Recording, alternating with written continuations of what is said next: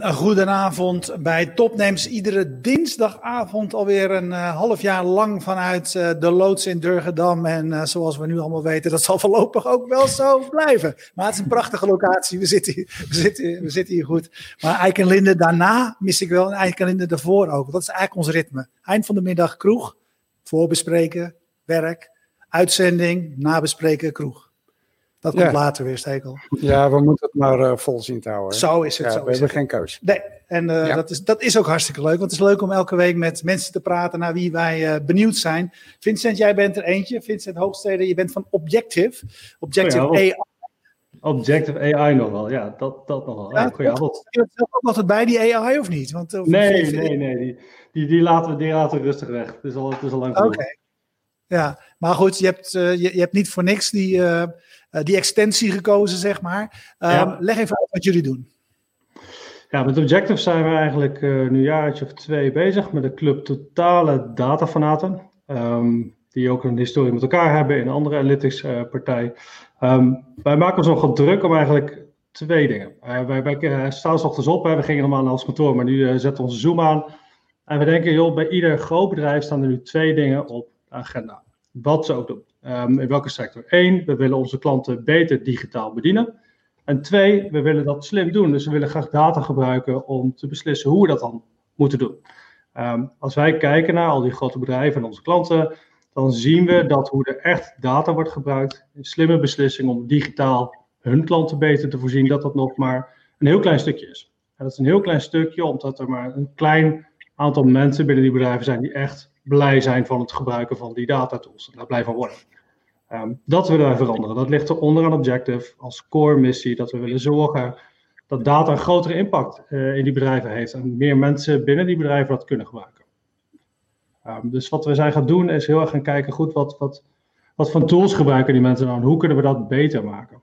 Uh, en wij kijken dan met name naar analytics pakketten die mensen nu uh, vandaag de dag gebruiken. Uh, en we denken dat er twee dingen mis mee zijn. Dus wij bouwen daar een volgende generatie, willen we daarvan maken die dat gaat repareren. Ja, en ik zag, ik keek op jullie site en er staan voorbeelden. Hè? En die, uh, je, je vul het alsjeblieft aan met, met, uh, sure. met je eigen of met betere voorbeelden. Maar zo'n zo voorbeeld was, uh, we zien hier een paar artikelen op jullie site en we zien dat op zich dat die goed uh, dat, dat als mensen er komen, dat ze er goed op reageren, dat ze doorklikken, et cetera. Maar er komen te weinig mensen op die pagina. Dat hebben wij gezien.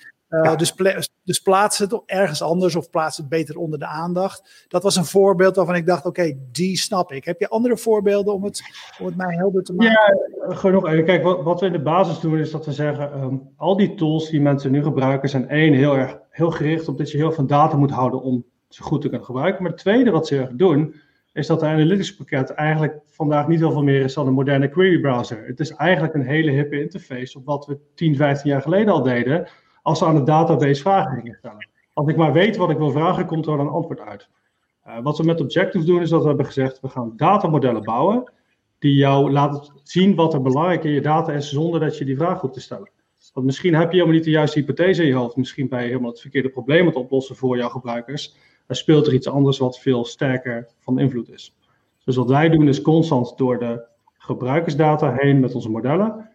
En dat verrijken we met de voorkant. Dus wat onze software ook heel erg doet, is wat ja, ieder van ons drieën nu zou doen. Als wij naar een website van onze klant zouden gaan, dan ga je interpreteren van hé, hey, wat gebeurt hier nou? Wat is de user flow? Hoe ziet dat eruit? Hoe gaat iemand erheen? Alleen hebben we dat geautomatiseerd. En die twee dingen met elkaar zorgen ervoor dat we dat naar onze klanten pushen. Ja, dus jij geeft mij uh, antwoorden op vragen die ik nog niet wist dat ik ze had. Ja, wij, wij geven jou antwoorden op hypotheses die je nog helemaal niet gesteld hebt. En we ja, laten zien wat er nu is wat je kan doen. Want uh, de, die, ik zei al, de extensie is AI, Artificial Intelligence. Uh, dus hoe, hoe doen jullie dit?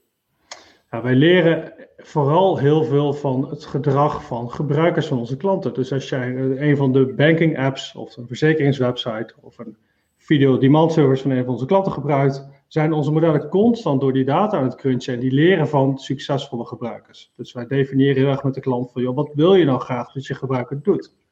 Waar moet hij heen? Uh, hoeveel tijd per week wil je persoon zien? Of moet hij een verzekering kopen? Of ben je blij als iemand zijn salaris stort op je bankrekening digitaal?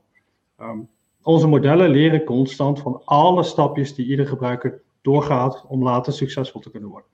En hoe meer klanten, hoe meer gebruikers, hoe beter die modellen daarin worden. Omdat we heel erg hebben gezorgd dat die leren ook over verschillende klanten heen. Ja, wat, wat, wat voor mensen heb je dan in dienst? Uh, zijn dat uh, datawetenschappers? Um, Ve veel, veel data science. We zijn met twintig mensen waarvan eigenlijk maar. Ik zeg dat het zelf. 20. En ik, ik zelf plus drie anderen kunnen niet data coden. De rest wel. Dus de rest van ons team is heel erg tech gefocust en heel erg uh, data-achtergrond, PhD's en data science en natuurkunde en modellering, alles wat erbij hoort. En daar zit onze core. Um, onze core zit in laten zien dat wij dus dat antwoord kunnen geven op een hypothese die je nog niet eens gesteld hebt. Uh, maar dan moet het wel kloppen. Dus vandaar ook een vrij tech-heavy team, wat, wat hier al even mee bezig is. Ja, en wat voor, wat voor klanten hebben jullie? Moeten dat grote bedrijven zijn met veel data? Of is het ook, is het, hebben jullie ook, zijn jullie ook interessant als je, nou als, als, als, als, je niet een grote bank bent? Nu, doen we grote bedrijven met veel data, met veel werknemers. En dat heeft een paar redenen. Eén, ehm, door die grote veel data kunnen onze modellen natuurlijk beter leren. Uh, maar twee, we denken dat ons product ook beter past voor nu, bij teams die vrij groot zijn. En waar je binnen het groot bedrijf een analytics afdeling heeft, die nu nog iedere dag allemaal tickets ingeschoten krijgt van verzoeken om data-analyse uit de rest van de organisatie. Waar wij een tool beginnen te worden, waar zo'n analytics afdeling dan zegt, nou weet je, gebruik Objective maar zelf. Daar kun je het zelf uithalen zonder het aan ons te vragen. Uh, dat past heel erg goed over. Uh, uh, Vincent, vergeef me, maar het klinkt allemaal natuurlijk te mooi om waar te zijn. ik vind het ook altijd heel moeilijk voorstelbaar. Kun je nou, want uh, je zegt ook op je eigen site, weet je, jullie bedienen ja. banken, verzekeraars, mediabedrijven, de, de grote partijen. Uh, dan komen we, Erwin en ik, allebei uit de, uit, uit de media. Uh, geef me nou eens een heel concreet voorbeeld van hoe jullie een mediabedrijf van dienst kunnen zijn. En, en dan bedoel ik echt heel concreet. Dus welke problemen hebben die, of welke uitdagingen die ze nog niet kennen, die jullie boven tafel kunnen krijgen? Nou, als, je nou, als je naar mediaclubs kijkt, we hebben een aantal in het buitenland waar we werken, hier trouwens ook, die uh, zetten nu veel al in op video on demand. We zijn allemaal het vermoeven natuurlijk naar de mooie Netflix-achtige apps. Um, dan is constant die vraag: wat laat jij, vooral ook nieuwe mensen die misschien nog niet zo hooked aan je platform zijn of nog niet die premium subscription hebben, wat laat je die mensen zien in dat kleine stukje scherm wat je hebt om te zorgen dat ze hooked worden?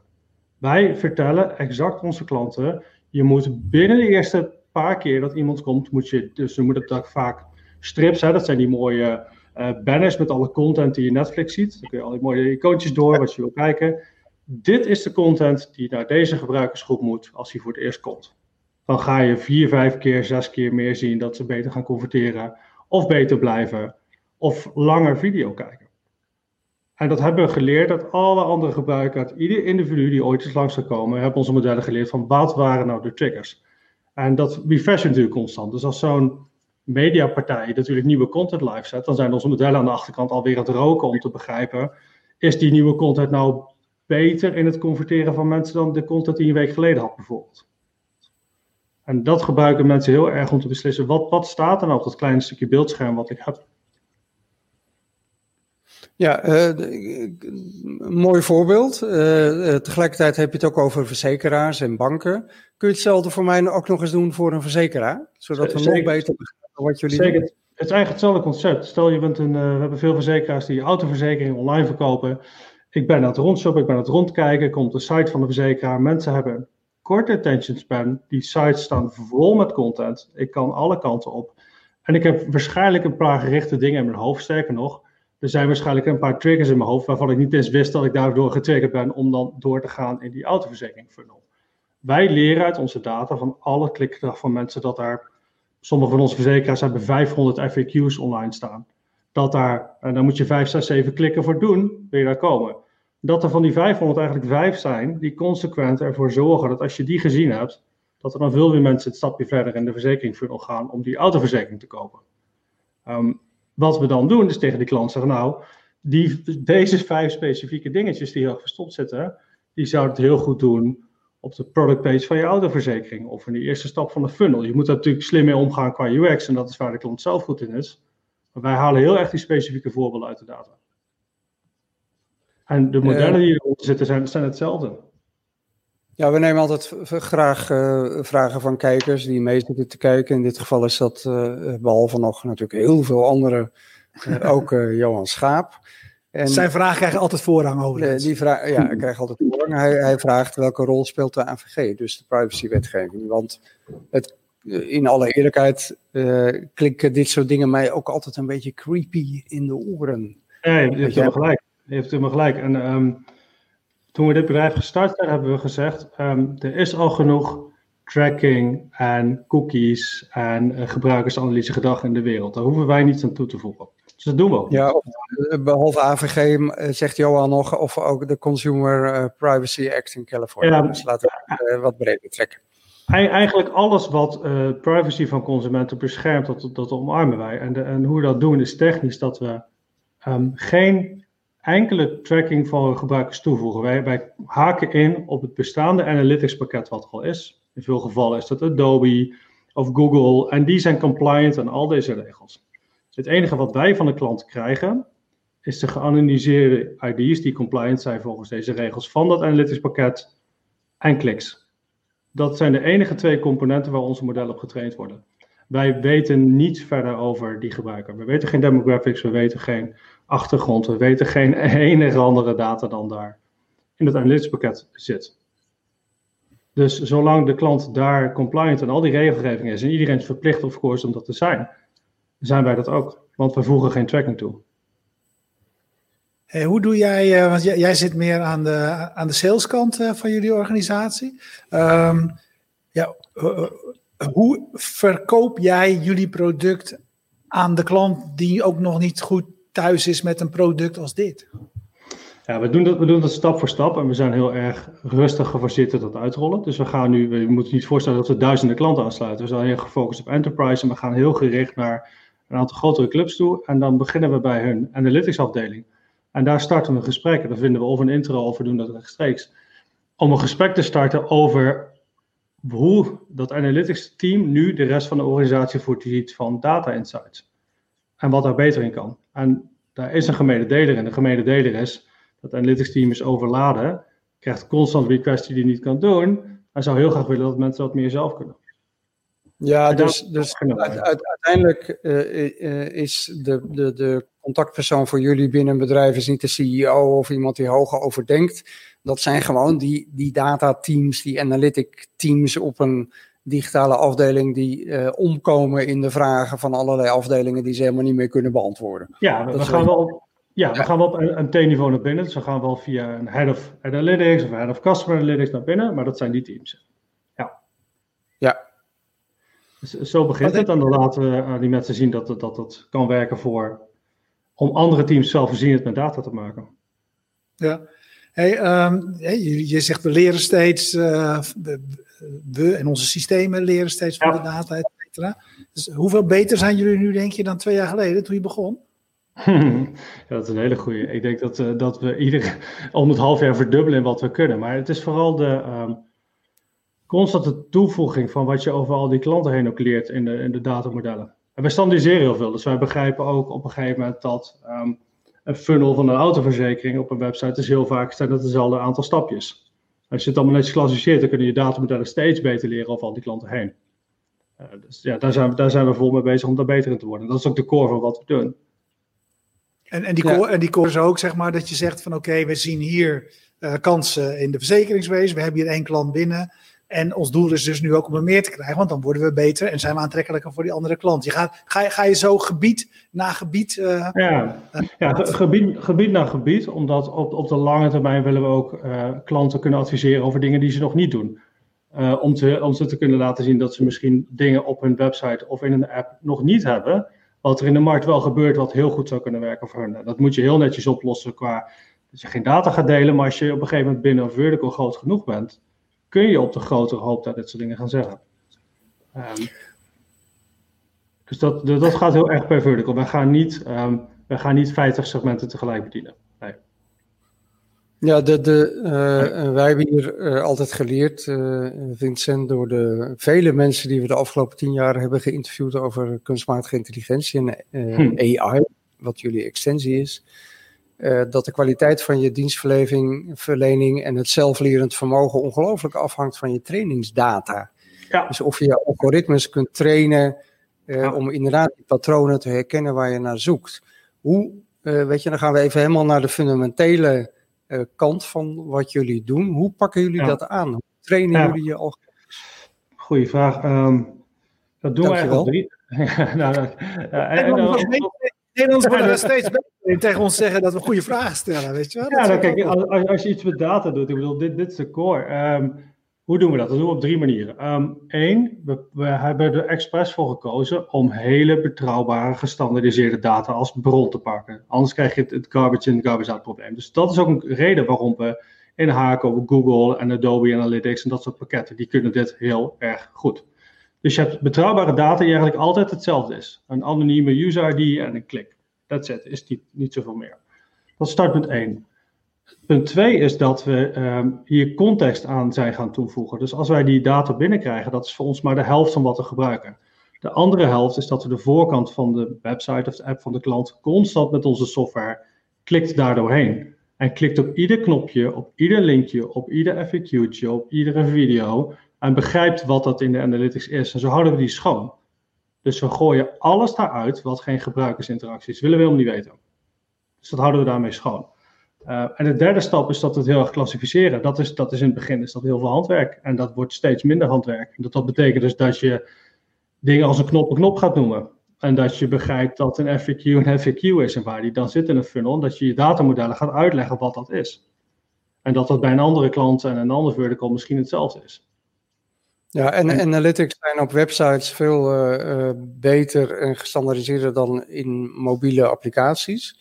Uh, doen jullie beide of hoe, hoe werkt dat bij jullie? We doen beide, maar we zijn begonnen met websites om deze reden ook. Omdat het inderdaad meer gestandardiseerd is en je dat beter kan tracken wat er allemaal gebeurt. We hebben inmiddels al software die ook op mobiele applicaties dat kan en daar ook constant doorheen ja, uh, is.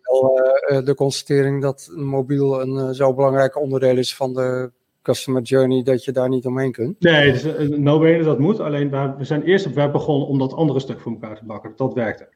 Um, voordat we de, de, extra uitdaging van hey, hoe doe je dat dan in de app en hoe track je al dat. Uh, er zitten precies dezelfde uh, methodes onder en onder aan onze kant, maar de andere eerste stap was een, was een uh, meer overzichtelijk om te starten. Hey, als je kijkt naar die klanten van jullie, kun je dan het aantal vragen wat mensen eigenlijk hebben, of wat ze zouden, of de vraag die ze zouden moeten stellen, uh, kun, je, kun je die inmiddels ook al terugbrengen tot een beperkt aantal? Kun je dat ook al eenvoudig klassificeren?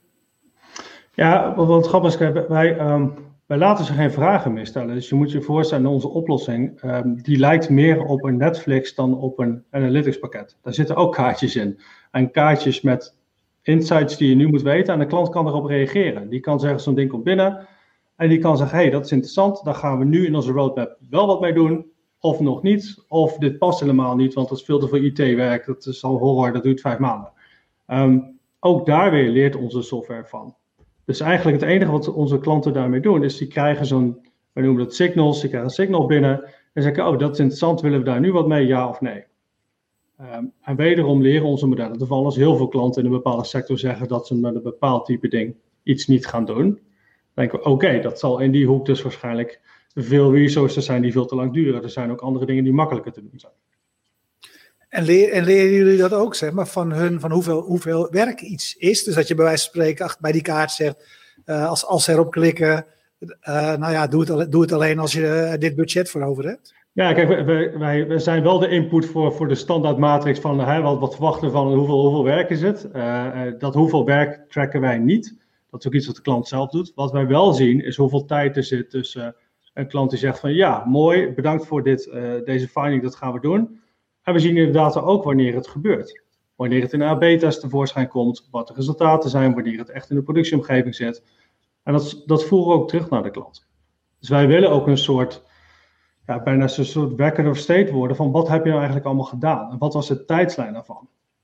Uh, bijna Twitter-achtige feed waar je doorheen zou kunnen, die je vertelt als team, wat hebben we nou eigenlijk het afgelopen kwartaal allemaal gedaan? Wat hebben we besloten? Op basis van welke data was dat dan en wat heeft het opgeleverd?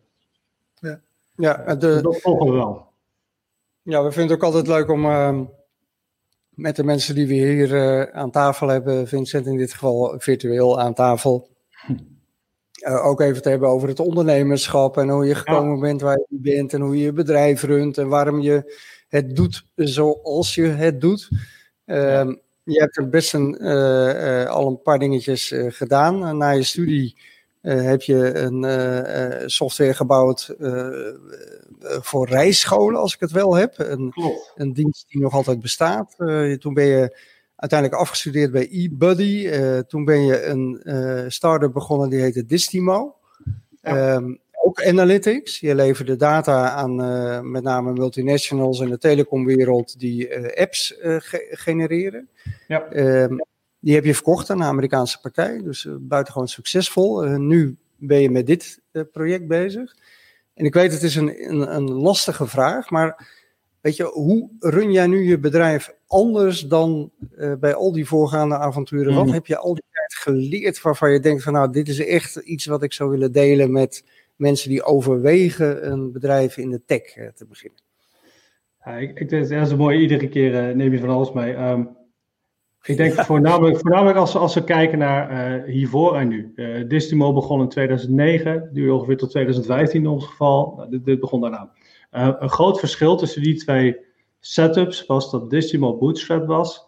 we hebben ons vierde, vijfde jaar het eerste funding opgehaald. We zijn een jaar later verkocht. Ehm, dit bedrijf hebben we uh, meer dan 3 miljoen euro op een PowerPoint opgehaald. En toen zijn we gaan bouwen. Um, daar krijg je een fundamenteel ander bedrijf van. Um, en dat is een heel groot verschil geweest. En ik zou, als ik, als ik de twee. hoe is dat anders? Hoe is dat fundamenteel anders? Om, omdat je in scenario A bootstrapt. in ons geval lieten we klanten vooruit betalen. En iedere euro werd zo snel mogelijk naar de loonadministratie gegooid om mensen aan te nemen en daarvan te groeien. Maar in feite loop je dan wel qua team achter de bal aan van wat je nodig hebt en wat je wilt bouwen. Dus je gewoon denkt waar je nu bent en waar ik over drie jaar wil staan, dan waarschijnlijk heb je liever al een groter team om dat te doen en dan pak je liever aan met misschien meer geduld. Want je moet ook in de bootstrap omgeving moet er gewoon omzet binnenkomen. Um, in de omgeving waar we nu zitten, die venture-backed is, ehm, kun je makkelijker een torenhoge ambitie neerzetten die terugschalen van oké, wat gaan we dan nu eerst doen? En heel gefocust alleen dat doen. Ook in ons geval. Dat we zeggen, we gaan gewoon. Zoals ook niet onze ambitie om 60 mensen uh, in de hok te hebben. Maar we gaan met een club van rond de 20 mensen gewoon heel lang RD'en tot dit klopt. Dan gaan we stap voor stap grote klanten aansluiten om dat te valideren. En als dat allemaal werkt, dan gaan we op een gegeven moment een versneller indrukken. Uh, maar dat, dat kun je doen met venture. Dat kun je niet doen als je, als je die 20 mensen uh, op de paywall zelf initieel moet betalen. Dat wist je ook toen je begon nu, van ik wil, ik wil het deze keer anders doen? Ja, dit, dit, dit, zat, dit zat in de eerste afspraak tussen founders dat we dit gingen doen. Ja, ook omdat we dat heel erg aan de, ja, de zelf hebben ervaren vorig jaar. Wij hadden geen funding. Onze grote aardsrivaal destijds, Annie, heeft dat wel opgehaald. En ik weet op het moment nog dat ik naast met de founder van destijds zat en toen kwam er binnen, ze hebben 15 miljoen eh, dollar van Sequoia opgehaald. Toen dachten wij, oei, dat is een hoop geld, dat is een hele goede naam, let's see. En toen gebeurde heel lang niks voor ons gevoel. Eh, een jaar wat het stil. We waren nog steeds even groot en uh, concurreerden ons nog steeds heel hard met elkaar. En na een jaar was er, was er in één keer net of een knop omging. De, de beursstand was, was tien keer zo duur en zo groot. Overal doken salesmensen op de wereld. Het team explodeerde. En op een gegeven moment maakt het niet eens meer uit of je product dan beter is of je de grootste bent. De perceptie is dan dat je de grootste bent. En dat doet heel veel. Um, dus uh, dat, dat, vanaf het begin was dit een andere ambitie. Dat we zeiden, we gaan die learning meenemen en we gaan dit nu anders doen. Is het ook omdat je uh, ervaar je ook dat de concurrentie zo is dat je tempo moet maken? Want als, als wij hier mensen aan tafel hebben, dan hoor je dat natuurlijk ook. Hè? Want je, je, dan zeggen ze: dit is een wereld waarin, waarin je snel moet zijn. Uh, want anders is, is die ander die wel die, hè, wat je net eigenlijk een beetje ook zegt, die ander die wel die back heeft, is eerder. Uh, dus dat maakt het ook noodzakelijk. Ja, de, twee dingen denk ik. Het, het, het, is de concurrentie, maar het is ook gewoon het businessmodel. Als je gewoon kijkt naar waar wij ook nu weer, software as a service. En als je gewoon naar de meeste software as a service partijen kijkt, kost het binnenhalen van een klant meer geld dan ze in het eerste twaalf maanden gaan verdienen. Dus er moet gewoon geld in. En daarna moet je zorgen dat je product zo goed is, dat natuurlijk niet na twaalf maanden die klant je verlaat. Dus dat is lange termijn. Maar er moet gewoon geld bij. Dus als je dit wil schalen en je wil in één keer in meerdere landen dit doen, ja, dat, dat kan in principe niet bootstrap. Daar moet vooraf meer geld in. Um, ja, dus je, beperkt het nu heel erg tot de, de financiële component. Uh, um, Wat brengen die investeerders je nog meer? in, in, weet je, je vergeleek het net, hè, venture of bootstrap. Ja. Ehm, het gaat ook heel vaak natuurlijk in discussies die wij hier voeren over netwerk of focus. Hoe werkt dat bij jullie? Hoe, jouw gevoel, hè? Wat brengt het je? Kijk, er zijn een paar dingen waar zij ons heel, heel erg mee helpen. Eén ehm, is de, constante balans tussen ehm, die torenhoge ambitie, maar op de kaart blijven zetten. Ehm, en, en natuurlijk schaal je terug naar uh, wat betekent dat vandaag, wat gaan we nu bouwen. Maar het is als klein team heel erg makkelijk om te verzanden in de operatie om dat goed te doen. En te vergeten wat ook weer die stip aan de horizon was, waarom je het eigenlijk in de eerste plaats bent gaan doen. En wat onze investors heel goed doen, we, hebben een Club Angels, maar we hebben ook twee fondsen uit Berlijn en Londen. Die zorgen constant op een positieve manier ervoor dat wij getriggerd worden om met elkaar die energie te voeden, dat het grote plaatje niet uh, vergeten. Um, dat, dat, dat is één. En, twee is het, ja, het gebruikelijke uh, netwerk natuurlijk, maar uh, vooral onze, die twee fondsen zijn ook heel erg praktisch in sales betrokken. Als wij een deur willen openen naar een hele grote club in de UK of in Duitsland, dan helpen zij er actief bij. Uh, sterker nog, in het begin gingen we samen de metro en dan gingen we er samen naartoe. Uh, met onze partner daar. Zo, zo hands-on. Hey, ik, ik, ik meen me te herinneren, uh, even, even los van dit soort hele belangrijke dingen voor je bedrijf, hè, dat je, uh, ik meen me te herinneren dat ik ergens een interview los waarin je ook uitlegt dat je je team ook totaal anders runt dan in eerdere activiteiten. Ja. Kun je daar eens wat over vertellen? Want het ging geloof ik over in hoeverre je, je, je mensen betrekt bij eh, beslissingen of bij het grote plaatje, eh, dat soort zaken. Ja, dat is een ding wat we ook redelijk op de kop hebben gegooid. Uh, wat we nu doen is het volle bak transparantie, echt all the way. Uh, dus onze mensen nu in het team, uh, open boekhouding, open board meetings, open salarissen, open salarisverhogingen. Alles is open. Um, no secret. En dat, dat werkt ontzettend goed, omdat we ook als een van de learnings uit voorgaande avonturen van meerdere van de founders hebben meegenomen. Hoe gek het eigenlijk is, vooral als je in deze fase zit en wat hierna komt. Dat je extreem slimme mensen bij elkaar probeert te zoeken en te binden en met elkaar één avontuur aangaan. En dat je dan vervolgens zegt: ja, maar wacht even. Hier is een stukje en dat gaan we met vier slimme mensen oplossen in plaats van twintig die we hebben. Um, en we merkten dat we dat, dat, we dat dan zeker aan het eind van het vorige doen, dat we dat missen, dat we niet al die slimme koppen op hetzelfde probleem konden zetten. Uh, omdat je stukjes bij je houdt. Dat, dat doen we dus nu niet meer. Um, dus als er nu iets gebeurt, goed of kwaad, in klanten, boekhouding, investeerders, of wat dan ook, dan weet iedereen dat. Ja, dit, dit, maar dit, dit, dit herken ik uit de open source wereld. Uh, ja. Dit soort principes, hè? of uh, soms uit de wat nou, hoe moet ik het noemen? Holocratie, uh, zweverige bedrijfsvorm. Ja, nou, dat is een disqualificatie. Hè? Ik zeggen, uh, vrijere uh, bedrijfsvormen die wij af en toe tegenkomen. Dit, dit associeer ik niet onmiddellijk met een gewoon keihard venture-backed bedrijf. wij, wij, denken dat het kan. En wij denken dat, het ook, dat je in principe harder gaat en betere beslissingen neemt. Um, want het haalt heel hoop ruis weg we gaan niet meer als founders dingen verpakken omdat we dat ene ding niet willen vertellen. Of er is geen achterklap over salarissen, omdat iedereen die weet. Um, er is geen gedoe over verhogingen of wie nou voor wordt getrokken of niet, want dat gebeurt niet. En dat dwingt ook het founding team om te zorgen dat er een structuur is dat dat niet kan. Dus als je iemand. Ja, ga. Nou ja, de, uh, dat, die, dit idee hebben en, en, en, en er zijn meer bedrijven hè, die, uh, die het doen. Het idee hebben is één ding. Uh, en overlezen en enthousiast worden is twee. Uh, maar in de praktijk, um, en, en jij ziet nu, je noemt nu allemaal voorbeelden, maar is, heb, heb jij dat moeilijk gevonden om dit, dit te doen? Heb je, heb je over drempels heen gemoeten? Nee, totaal niet. Nee. Nee, ik denk dat we gewoon ook um, uit het vorige bedrijf hebben meegenomen dat toen we bijvoorbeeld die overname gingen doen, dat dat voor veel mensen interne verrassing was, omdat ze niet alle details hadden wat er in de markt zo gaande is. En vooral als je dan een tech-team hebt zitten wat in Utrecht zit en een kleine sales team in Amerika, dan, dan gaat daar dingen gaat over de kabel die zijn, die, dat wordt niet doorgestuurd. Dat is niet volledig in sync. Um, we wilden er vanaf dat, dat, dat wat er ook strategisch gebeurt, dat dat voor mensen verrassing is. Sterker nog, we willen het zorgen dat we met z'n allen daar over na kunnen denken, dat we de input van meerdere mensen kunnen gebruiken om een beslissing te nemen. Um, en voor ons valt en staat het op gewoon dit structureel embedden in alles wat je doet. We hebben donderdag een boardmeeting, vrijdagmiddag hebben we een presentatie met het team waar het volledige verhaal wordt herhaald. Zelfde slides, hetzelfde verhaal, alles. Ehm, volgende week, als onze boeken weer af worden gesloten door de accountant, gaat dat over het hele team heen. Ehm, en we denken dat we dat in stand kunnen houden, ook als het groter wordt. Fascinerend. Hey, aan het begin van het, uh, toen wij spraken, voordat we begonnen, zeiden we, we hebben een signaal en dat is een kerkklok die, uh, die negen heidt en dan uh, gaan we beginnen. Maar we hebben diezelfde kerkklok en die zegt een half uur later. Dat het half tien is. Dat het half tien is. en dat, dat hebben we afgesproken dat het ongeveer een half uur duurt. dat zit alweer op, Vincent. Um, ik heb wel het gevoel dat we nog heel lang door hadden ja, nee, wat, absoluut, wat, wat absoluut. interessante ervaringen allemaal. Vooral ook goed dat jullie transparant zijn over wat je geleerd hebt uh, de afgelopen periode. Ja, vind ik echt mooi.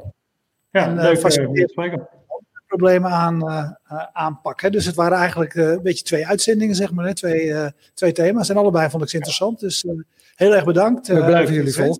Ja. Dankjewel. Fijne avond. Oké, okay, dankjewel. En, uh, voor het uh, kijken. Uh, iedere dinsdagavond live. Uh, onmiddellijk daarna on demand via YouTube. En ietsje later uitgewerkt en uitgeschreven via fastmovingtargets.nl. Um, en we bedanken altijd de partijen die ons de afgelopen jaren uh, hebben uh, geholpen en uh, topnames mede hebben mogelijk gemaakt. Jetstream uit Groningen. Ik weet niet waar, ja, PQR zit in Amsterdam. Ik, kan niet zeggen, ik weet niet waar ze vandaan komen, maar dat weet ik wel. Hostingpartij, Bier Co, ook Amsterdam. En Freedom Lab, ook, ook Amsterdam. Een plek waar wij normaal gesproken altijd onze uitzendingen deden. Waar mensen werken, waar mensen vergaderen, waar mens, mensen evenementen organiseren. En de loods bedanken wij nu natuurlijk zeer. Dat is het uh, rijtje steken. Was ik compleet? Ja, volgens mij wel. Nou, oké, okay, ja. super. Dan ja. uh, ga ik nu eventjes op zoek. Want dan ben ik Naar de eindlieder. Ja, die, moet je, die hoor jij klaar te zetten, man. Ja, man. ja wat is dit nou weer? Ja. Ik heb een andere bril nodig. Ik zie hem, ik zie hem nauwelijks. Bij intro. Jongen, jongen, jongen. Ja, in ja Vincent, sorry. Dit is... Uh, dit is ik schat in dat dit hem is. Ja. Ja. Zie nou weer eens.